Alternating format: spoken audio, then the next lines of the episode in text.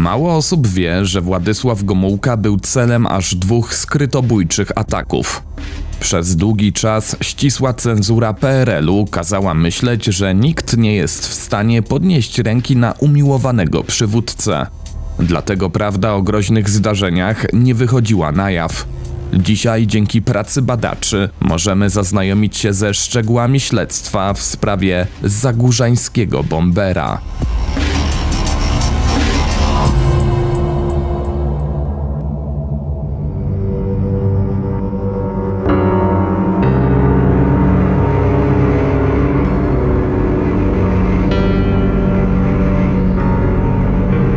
Opowiem Ci historię.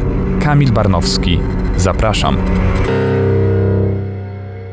Pamiętajcie, że archiwalne zdjęcia związane z omawianą sprawą będą dostępne na Instagramie kanału Opowiem Ci historię.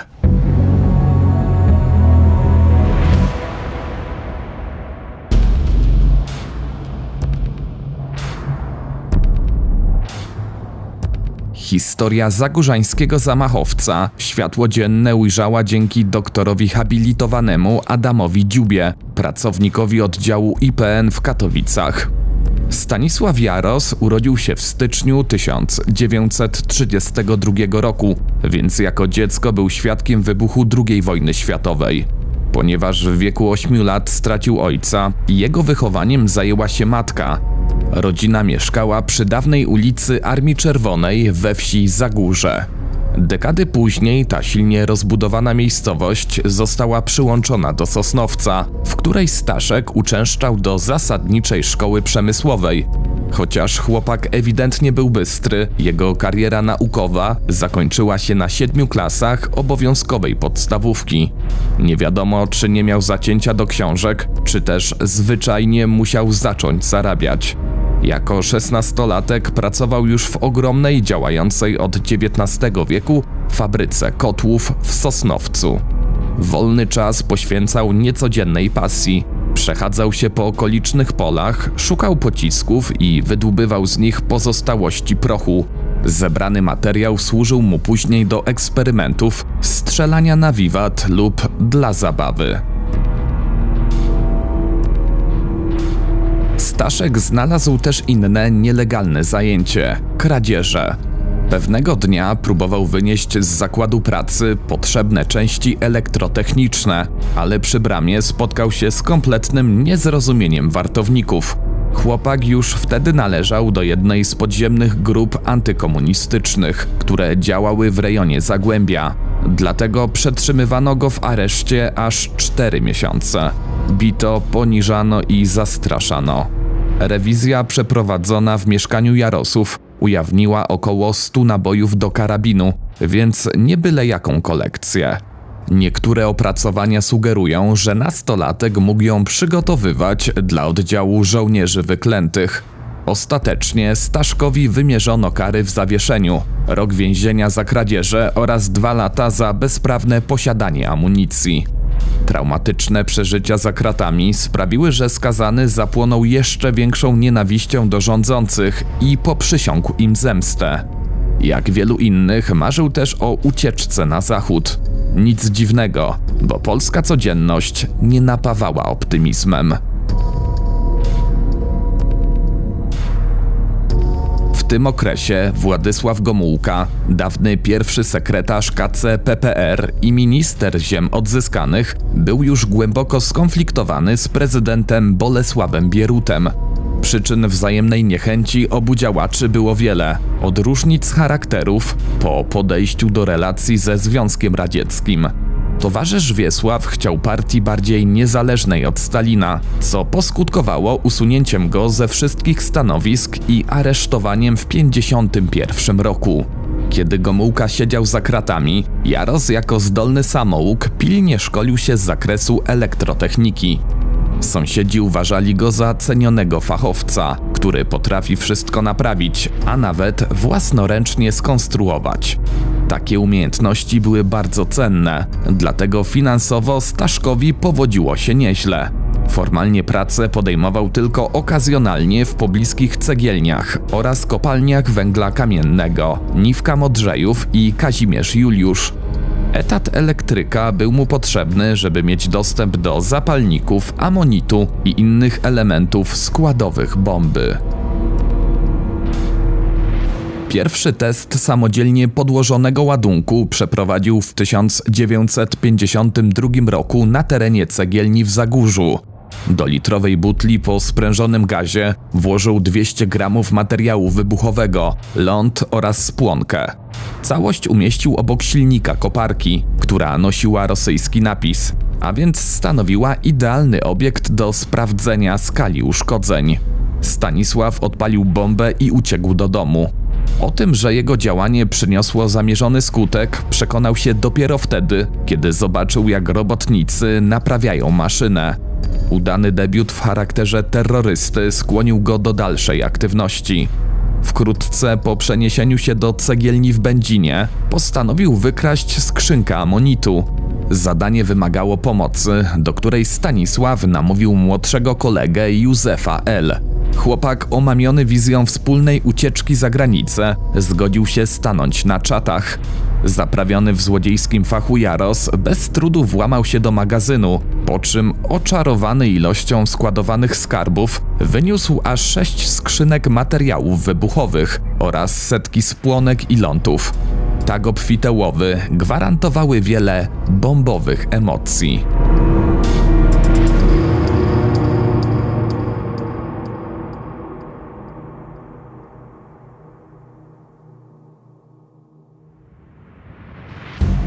Tymczasem Polskę czekały kolejne przykre zmiany. Władze jednoznacznie patrzyły na wschód, szukały w nim cywilizacji.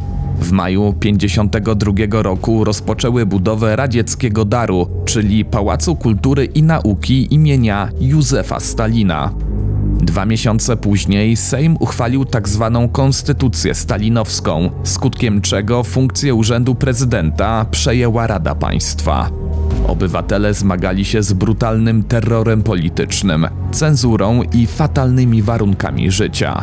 Prywatny sektor w gospodarce praktycznie nie istniał, dlatego pod nielicznymi sklepami zawsze ciągnęły się długie kolejki klientów. Bezduszne koleje spod znaku PKP też nie dawały powodów do radości. W sierpniu podniosły ceny biletów, co wyjątkowo rozsierdziło dwudziestoletniego wówczas Stanisława Jarosa. Mężczyzna dostał się do skrzynki urządzeń sygnalizacyjnych na stacji w Dąbrowie Górniczej i umieścił w niej siedem lasek amonitu. Na drzwiczkach zostawił też napis z żądaniem wycofania podwyżek, a następnie upewnił się, że nikt nie znajduje się w pobliżu i odpalił ląd. Skrzynka nie uległa całkowitemu zniszczeniu, tylko dlatego, że nie doszło do eksplozji wszystkich ładunków. Kolejną akcję Jaros przeprowadził we wrześniu. Przechodząc obok Sosnowskiego zakładu kotłów, w którym kiedyś go aresztowano, postanowił się zemścić. Znanym już sobie sposobem umieścił w litrowej butli po gazie 400 gramów materiału wybuchowego, a następnie zamocował ją na słupie wysokiego napięcia. Znów jednak nie wyrządził wielkich szkód, ponieważ poprowadzony kabel nie zasilał warsztatu, a był przewodem rezerwowym. Nieudana próba w ogóle nie zraziła Stanisława, który jeszcze w tym samym roku wybrał na cel ogromną elektrownię w Będzinie. Zakład był wówczas uznawany za jeden z najlepszych tego typu w kraju. Tym razem do konstrukcji bomby mężczyzna użył kadłubu łożyska z kopalnianego wózka, w którym umieścił aż 900 gramów amonitu. Ładunek był ciężki, więc kiedy Staszek wrzucił go za mur w stronę odgromników, stoczył się w złym kierunku i projekt częściowo spalił na panewce. Jaros coraz bardziej zatapiał się w fascynacji terrorem. Jak wyjaśniał? Zacząłem zdawać sobie sprawę z tej niebezpiecznej zabawy, ale nie mogłem się oprzeć pokusie. Kilka dni później zdecydował się, że wysadzi w powietrze transformator w sosnowieckiej kopalni Kazimierz Juliusz. Mężczyzna tłumaczył się potem, że chodziło mu nie o odcięcie prądu dla górników, ale spowodowanie awarii zasilania konkretnej dzielnicy miasta. Ciemności miały ułatwić przetrzymywanym w tzw. Tak ośrodku pracy więźniów skuteczną ucieczkę. Do udziału w zadaniu Staszek znów namówił Józefa, który stanął na czatach pod ogrodzeniem zakładu. Siedmiokilowy ładunek faktycznie zdołał przerwać dostawę energii na godzinę. Nie wiadomo, czy komuś udało się uciec, ale Jaros i tak musiał odczuwać sporą satysfakcję. Później wyjaśniał. To, co robiłem, bawiło mnie. Nigdy nie przewidywałem śmierci ludzi na skutek wybuchów. Kolejny 1953 rok przyniósł światu spore zmiany. Radziecki przywódca i zbrodniarz komunistyczny w jednej osobie, czyli Józef Stalin, 5 marca postanowił udać się do sauny, żeby szybciej wytrzeźwieć po długiej libacji z Chruszczowem. W efekcie podniósł sobie i tak zbyt wysokie ciśnienie, więc po powrocie do mieszkania doznał wylewu. Ochroniarz odważył się wejść do środka dopiero wieczorem i zastał Stalina leżącego we własnym moczu. Śmierć Gruzina wyznaczyła początkową datę odwilży, czyli okresu mniejszych represji, amnestii wielu więźniów politycznych i złagodzenia cenzury. W radzieckiej Rosji do władzy doszedł wspomniany już Nikita Chruszczow, który w tajnym referacie potępił działania poprzednika. Jaros tak bardzo ucieszył się ze zgonu dyktatora, że postanowił go uczcić w ulubionym stylu. Trudno było o lepszy obiekt nienawiści niż kopalnia węgla kamiennego Sosnowiec imienia Józefa Stalina. Mężczyzna z pomocą kolegi Wacława S. prawdopodobnie wysadził tamtejszy transformator. Szczęścia nie miała też stacja benzynowa CPN w Dąbrowie Górniczej. W lipcu Staszek zrobił dwie nowe konstrukcje złożone m.in. z metalowych rur, dętki rowerowej i czarnego prochu. Pierwszy ładunek, który poleciał w stronę beczek z olejem, uszkodził lub całkowicie rozerwał aż 19 pojemników. Drugi na szczęście nie wybuchł na wylanej substancji, więc nie doszło do groźnego pożaru. To była ostatnia bombowa próba Jarosa, ale tylko z pierwszej, mniej szkodliwej serii. Powodem ustania działań terrorysty stało się wezwanie do odbycia zasadniczej służby wojskowej. Wcześniej Stanisław z powodzeniem unikał jej jak ognia i razem z kolegami układał inny plan na życie. W głowach mężczyzn zrodziła się myśl o przeprowadzeniu spektakularnego zamachu oraz ucieczki do jednego z krajów NATO, który miał ich przyjąć jako bohaterów walki z komunizmem.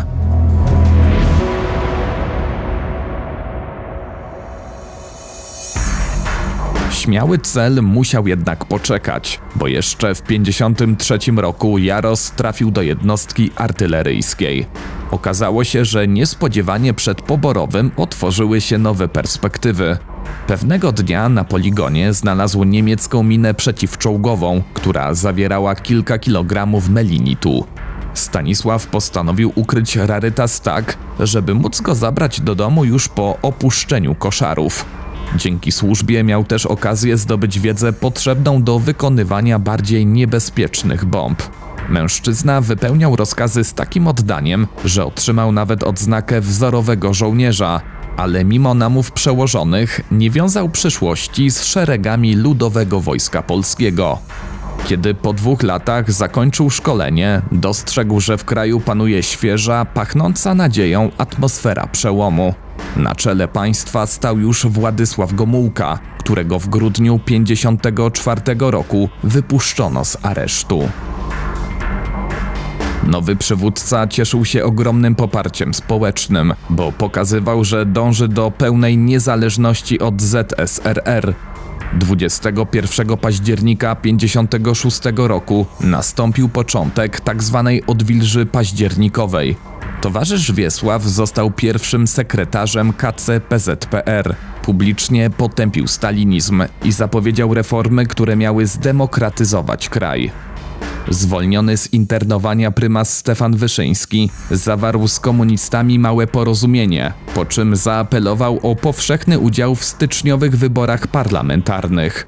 Gomułka chciał legitymizować władzę i faktycznie mu się to udało. Pod jego przewodnictwem doszło do kilku ważnych postanowień, m.in. rezygnacji z kolektywizacji rolnictwa, zniesienia zakazu posiadania obcej waluty czy zaprzestania zagłuszania zachodnich radiostacji. Prawdopodobnie Stanisław też uległ złudzeniu, że Polska wreszcie wkroczyła na dobrą ścieżkę. Niestety naród szybko oblano kubłem zimnej wody. Pierwszy sekretarz wcale nie zamierzał oddawać kontroli, jaką zapewniały mu wypracowane mechanizmy. Dlatego rozpoczął ograniczanie zmian. Już jesienią 57 roku Główny Urząd Kontroli Prasy wstrzymał edycję proreformatorskiego tygodnika Po prostu, w którym publikowali m.in. Jan Olszewski, Jerzy Urban i Agnieszka Osiecka. Cenzorzy argumentowali. Wrześniowy numer w sposób wysoce agresywny i podburzający neguje politykę partii i rządu. W obronie pisma wybuchły studenckie demonstracje, które brutalnie stłumiono oddziałami ZOMO. Rozgoryczony Jaros wrócił więc do starego pomysłu przeprowadzenia głośnego ataku na władzę.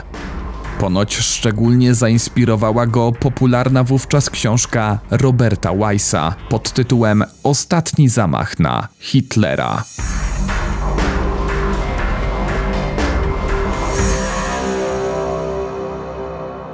Niepowtarzalna okazja pojawiła się latem 59 roku. W połowie lipca wypadało 15-lecie Polski Ludowej, a organizowane z tej okazji uroczystości miał uświetnić sam Nikita Chruszczow.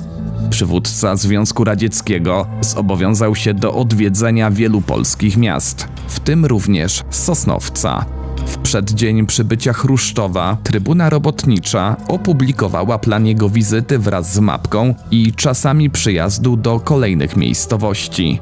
Dużo wcześniej i tak można się było domyślać, jakimi ulicami podąży partyjna kawalkada. Robotnicy pilnie odnawiali fasady, naprawiali płoty i mniej lub bardziej przysłowiowo malowali trawę na zielono. Wszystkie przygotowania na terenie województwa nadzorował ważny działacz partyjny, pochodzący z Sosnowca, Edward Gierek.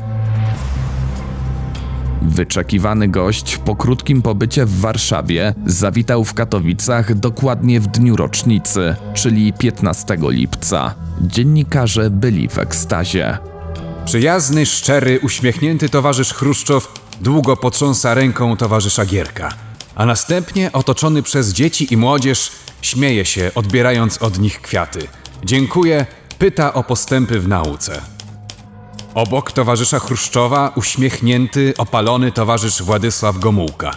Budynki dworcowe drżą od okrzyków Niech żyje towarzysz Chruszczow, niech żyje Związek Radziecki, niech żyje towarzysz Gomułka. Tak się zaczęła na Śląsku ta piękna manifestacja przyjaźni obu naszych narodów. Na całej 120-kilometrowej trasie przejazdu 2 miliony mieszkańców województwa katowickiego gorąco pozdrawiało Nikitę Chruszczowa i delegację ZSRR.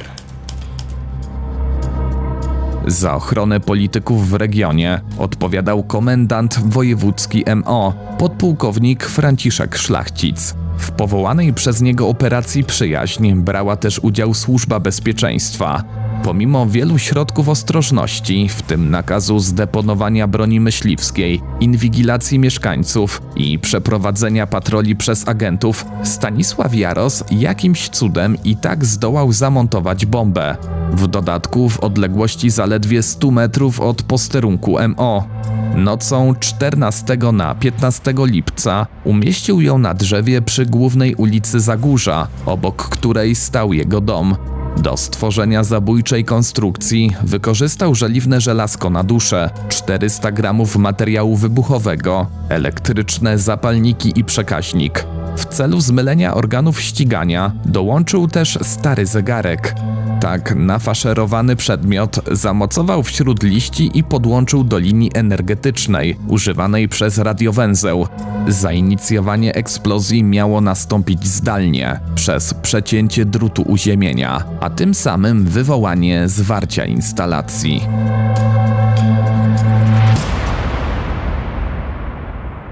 Plan z trybuny robotniczej zakładał, że Gomułka z Chruszczowem pojawią się na ulicy Armii Czerwonej około 15.30.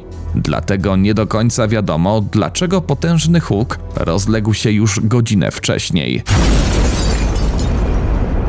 Detonacja przechyliła drzewo i doprowadziła do wypadnięcia szyb z okolicznych okien. Na szczęście przy drodze nie było jeszcze tłumów, kontrolowały ją tylko służby porządkowe. Co prawda, jeden z odłamków delikatnie zranił nogę mężczyzny, który znajdował się 35 metrów dalej, ale tym razem był on jedynym poszkodowanym. Gomułka najprawdopodobniej nie został poinformowany o zdarzeniu. Około 17.30, mocno spóźniony, razem ze swoimi gośćmi przejechał przez wysprzątaną ulicę. Stojący w kabriolecie Chruszczow w jasnym garniturze i hollywoodzkim kapeluszu z uśmiechem pozdrawiał tłumy wiwatujących mieszkańców. Równocześnie pierwszy sekretarz KW PZPR w województwie katowickim Edward Gierek oraz komendant Franciszek Szlachcic nie mieli nastroju do świętowania.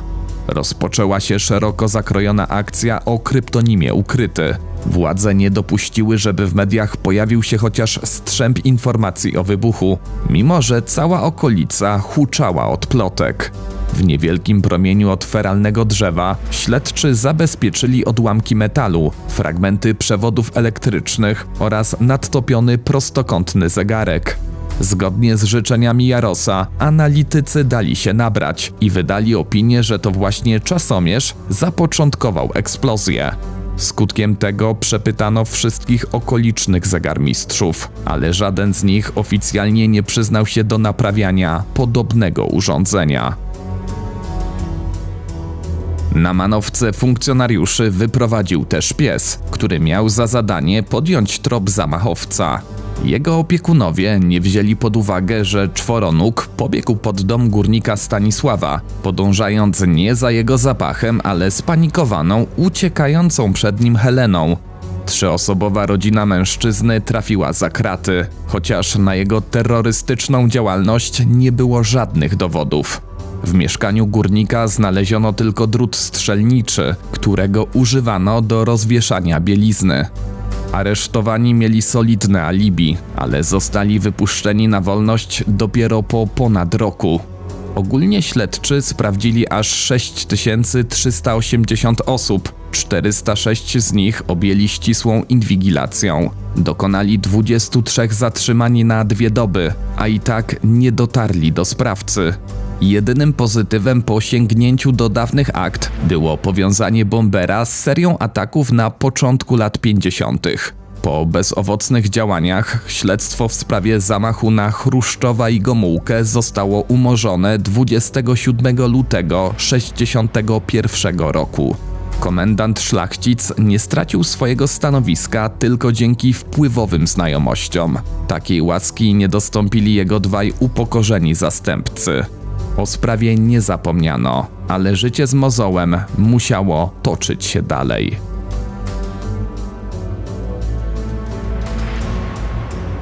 Jesienią kraj jak zawsze czekał na tradycyjną barburkę. Tym razem okazja do zabawy była wyjątkowa. Trybuna robotnicza kilka dni wcześniej donosiła. Załogi kopalń i przedsiębiorstw górniczych Śląska i Zagłębia intensywnie przygotowują się do swego dorocznego święta Dnia Górnika. Zakłady, miasta i osiedla robotnicze przybierają odświętny wygląd. Szczególnie wiele pracy w strojenie osiedla włożyli mieszkańcy Zagórza. Tu bowiem w dniu 3 grudnia nastąpi przekazanie do eksploatacji nowej kopalni Porąbka. Wydarzenie miał uświetnić nie byle kto, bo sam pierwszy sekretarz, o czym ochoczo informowały gazety. Jaros nie mógł przepuścić takiej szansy. Mężczyzna wiedział, że do zakładu Gomułka przyjedzie ulicą Krakowską, którą zawczasu wyremontowano i udekorowano. Kiedy robotnicy łatali dziury w asfalcie, a zapobiegliwi agenci przygotowywali trzy identyczne kolumny rządowych limuzyn, zamachowiec dopracowywał swoją niezwykłą bombę. Stanisław wciąż nie miał własnej rodziny, więc każdą wolną chwilę mógł poświęcić na realizację pomysłu. Wniósł do domu półmetrową ceramiczną rurę wodociągową. Wypełnił ją melinitem, który wydobył z niemieckiej miny, po czym zaopatrzył ją w elektryczne, zdalnie sterowane zapalniki. Następnie z desek, drutu i samodzielnie wymieszanego betonu wykonał słupek, czyli opakowanie bomby. Nocą zaraz przed wizytą Gomułki całość wkopał na wysokości ulicy Krakowskiej 47.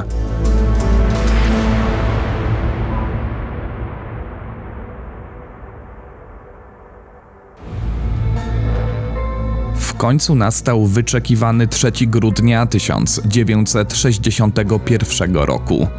Wiesław miał przyjechać do kopalni przez Zagórze o 10, a następnie zwiedzić nowo powstałe budynki i odwiedzić zasłużonych górników. Zakończenie wizyty w Porąbce zaplanowano na godzinę 14. Stanisław od rana uważnie obserwował zagórzańską drogę oraz miejsce umieszczenia ładunku.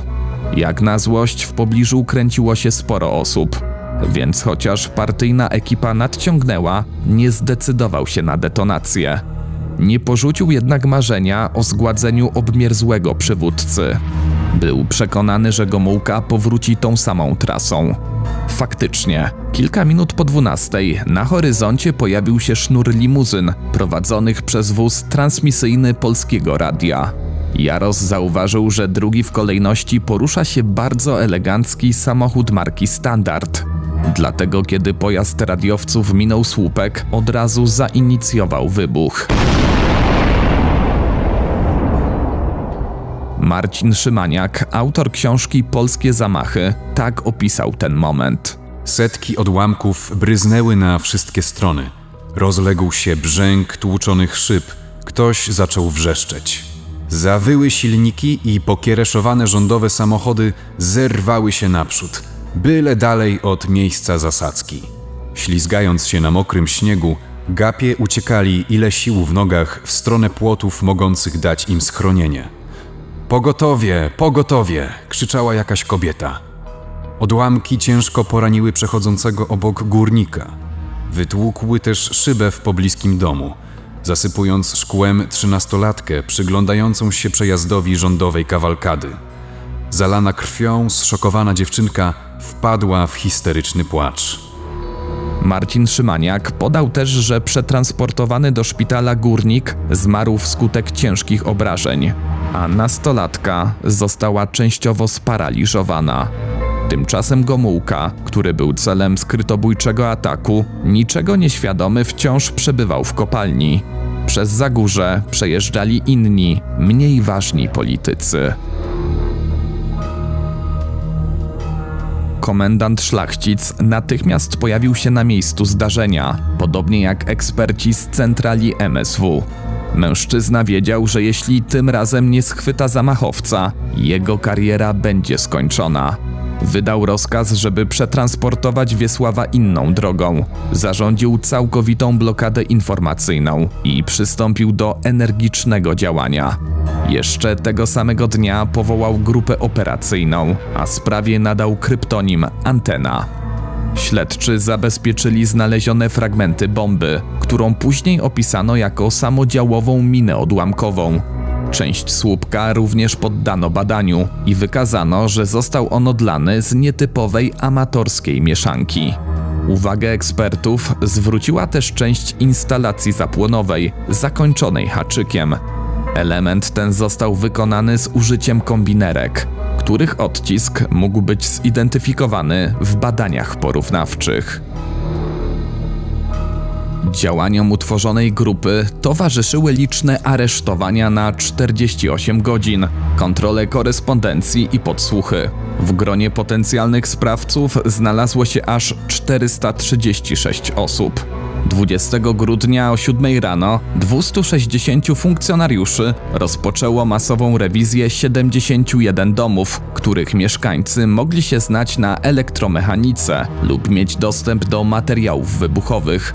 Uzyskano wtedy aż 200 odcisków narzędzi do badań laboratoryjnych. W efekcie wśród aresztowanych znalazł się kolega Jarosa, Wacław S., Jego żona w rozmowie z matką przyznała, że wie, kim jest zamachowiec. Jeśli jej mąż nie zostanie zwolniony do domu, to wyjawi służbom nazwisko. Śledczy, którzy podsłuchiwali rodzinę Wacława, wprowadzili do jego celi konfidenta. Po pewnym czasie aresztowany wyjawił koledze z sąsiedniej pryczy, że o wykonanie bomby podejrzewa właśnie Stanisława. Było to zgodne ze spostrzeżeniem śledczych, którzy w domu Jarosa znaleźli kilkanaście specyficznych urządzeń elektrycznych. Milicjanci ustalili też, że choć mężczyzna oficjalnie nigdzie nie pracował, posiadał sporo pieniędzy i nowoczesny sprzęt AGD. Tragiczny los Stanisława przypieczętowały pozytywne wyniki badań odcisków jego narzędzi.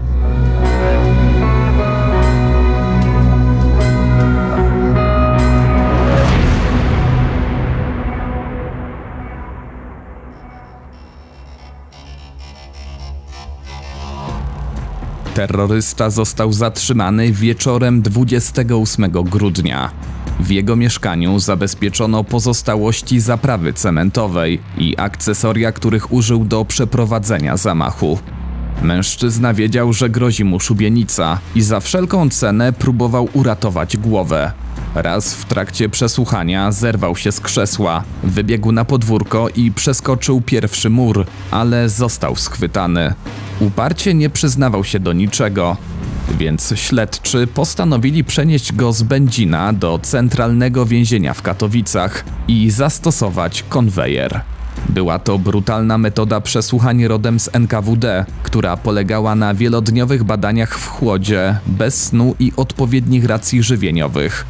Równocześnie w celi podejrzanego zainstalowano tajnego agenta SB o kryptonimie 11. Szpieg tak umiejętnie namawiał Stanisława do złożenia wyjaśnień, że 7 stycznia 62 roku Jaros w końcu się wygadał. W trakcie przesłuchania ze szczegółami opisał okoliczności zamachu, naszkicował schematy bomb oraz wskazał, kto pomagał mu w akcjach z początku lat 50. Rozprawa Stanisława Jarosa odbyła się w tajemnicy w maju 62 roku przy zamkniętych drzwiach przed Sądem Wojewódzkim w Katowicach. Obok niego na ławie zasiedli też jego dwaj dawni kompanii Wacław i Józef. Główny oskarżony utrzymywał, że nigdy nie zamierzał zabić polityków, a detonacji na drzewie dokonał dla żartu i ośmieszenia milicji. Tłumaczył. Przedtem także mówiłem jak inni, że był to zamach na życie członków tych delegacji. Ale jak było naprawdę, tylko ja mogę wiedzieć. Sam decydowałem, kiedy odpalę ładunek. Twierdzę jeszcze raz, że chciałem tylko upozorować zamach i osiągnąć pewien rozgłos, jakoby w Polsce działała silna opozycja. 25 maja sąd przyjął jednak, że mężczyzna czyhał na życie Gomułki, więc powinien być na zawsze wyeliminowany ze społeczeństwa i nie ma już dla niego prawa do powrotu. Jaros został skazany na karę śmierci. Natomiast Wacław otrzymał 6, a Józef 5 lat pozbawienia wolności. Choć adwokaci Stanisława apelowali do Sądu Najwyższego, że kara jest niewspółmierna do czynów, wyrok został utrzymany w mocy. Rada Państwa nie skorzystała z prawa łaski. Naczelnik więzienia, w którym zamachowiec czekał na egzekucję, tak wspominał Jarosa.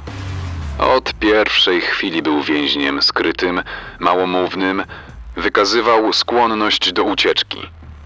Dlatego pilnowało go sześciu funkcjonariuszy. Wielokrotnie dokonywał połyków, trzonków od łyżek, ucha od kubka metalowego, dwukrotnie kawałka cegły. Uderzał głową o ścianę lub grzejnik, stłukł żarówkę, próbując porazić się prądem.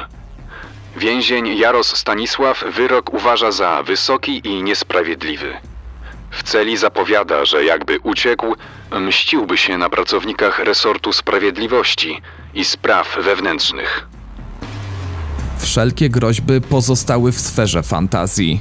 5 stycznia 1963 roku, czyli zaledwie dwa tygodnie przed 31 urodzinami, Stanisław Jaros zawisł w katowickim więzieniu.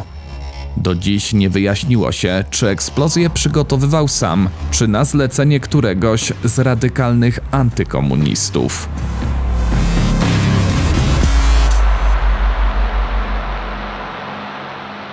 Ten materiał powstał dzięki Waszemu wsparciu w serwisie Patronite. W szczególności chcę podziękować Kasi J. Głodek, Grzegorzowi H., Kamilowi B. oraz Marcie Miller.